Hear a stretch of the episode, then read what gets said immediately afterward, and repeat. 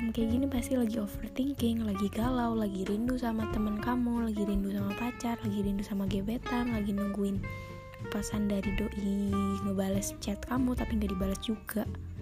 Daripada kamu overthinking, mendingan sama aku dengerin di podcast malam-malam. Dan nggak tahu sih ngapain juga, udah dengerin aja deh.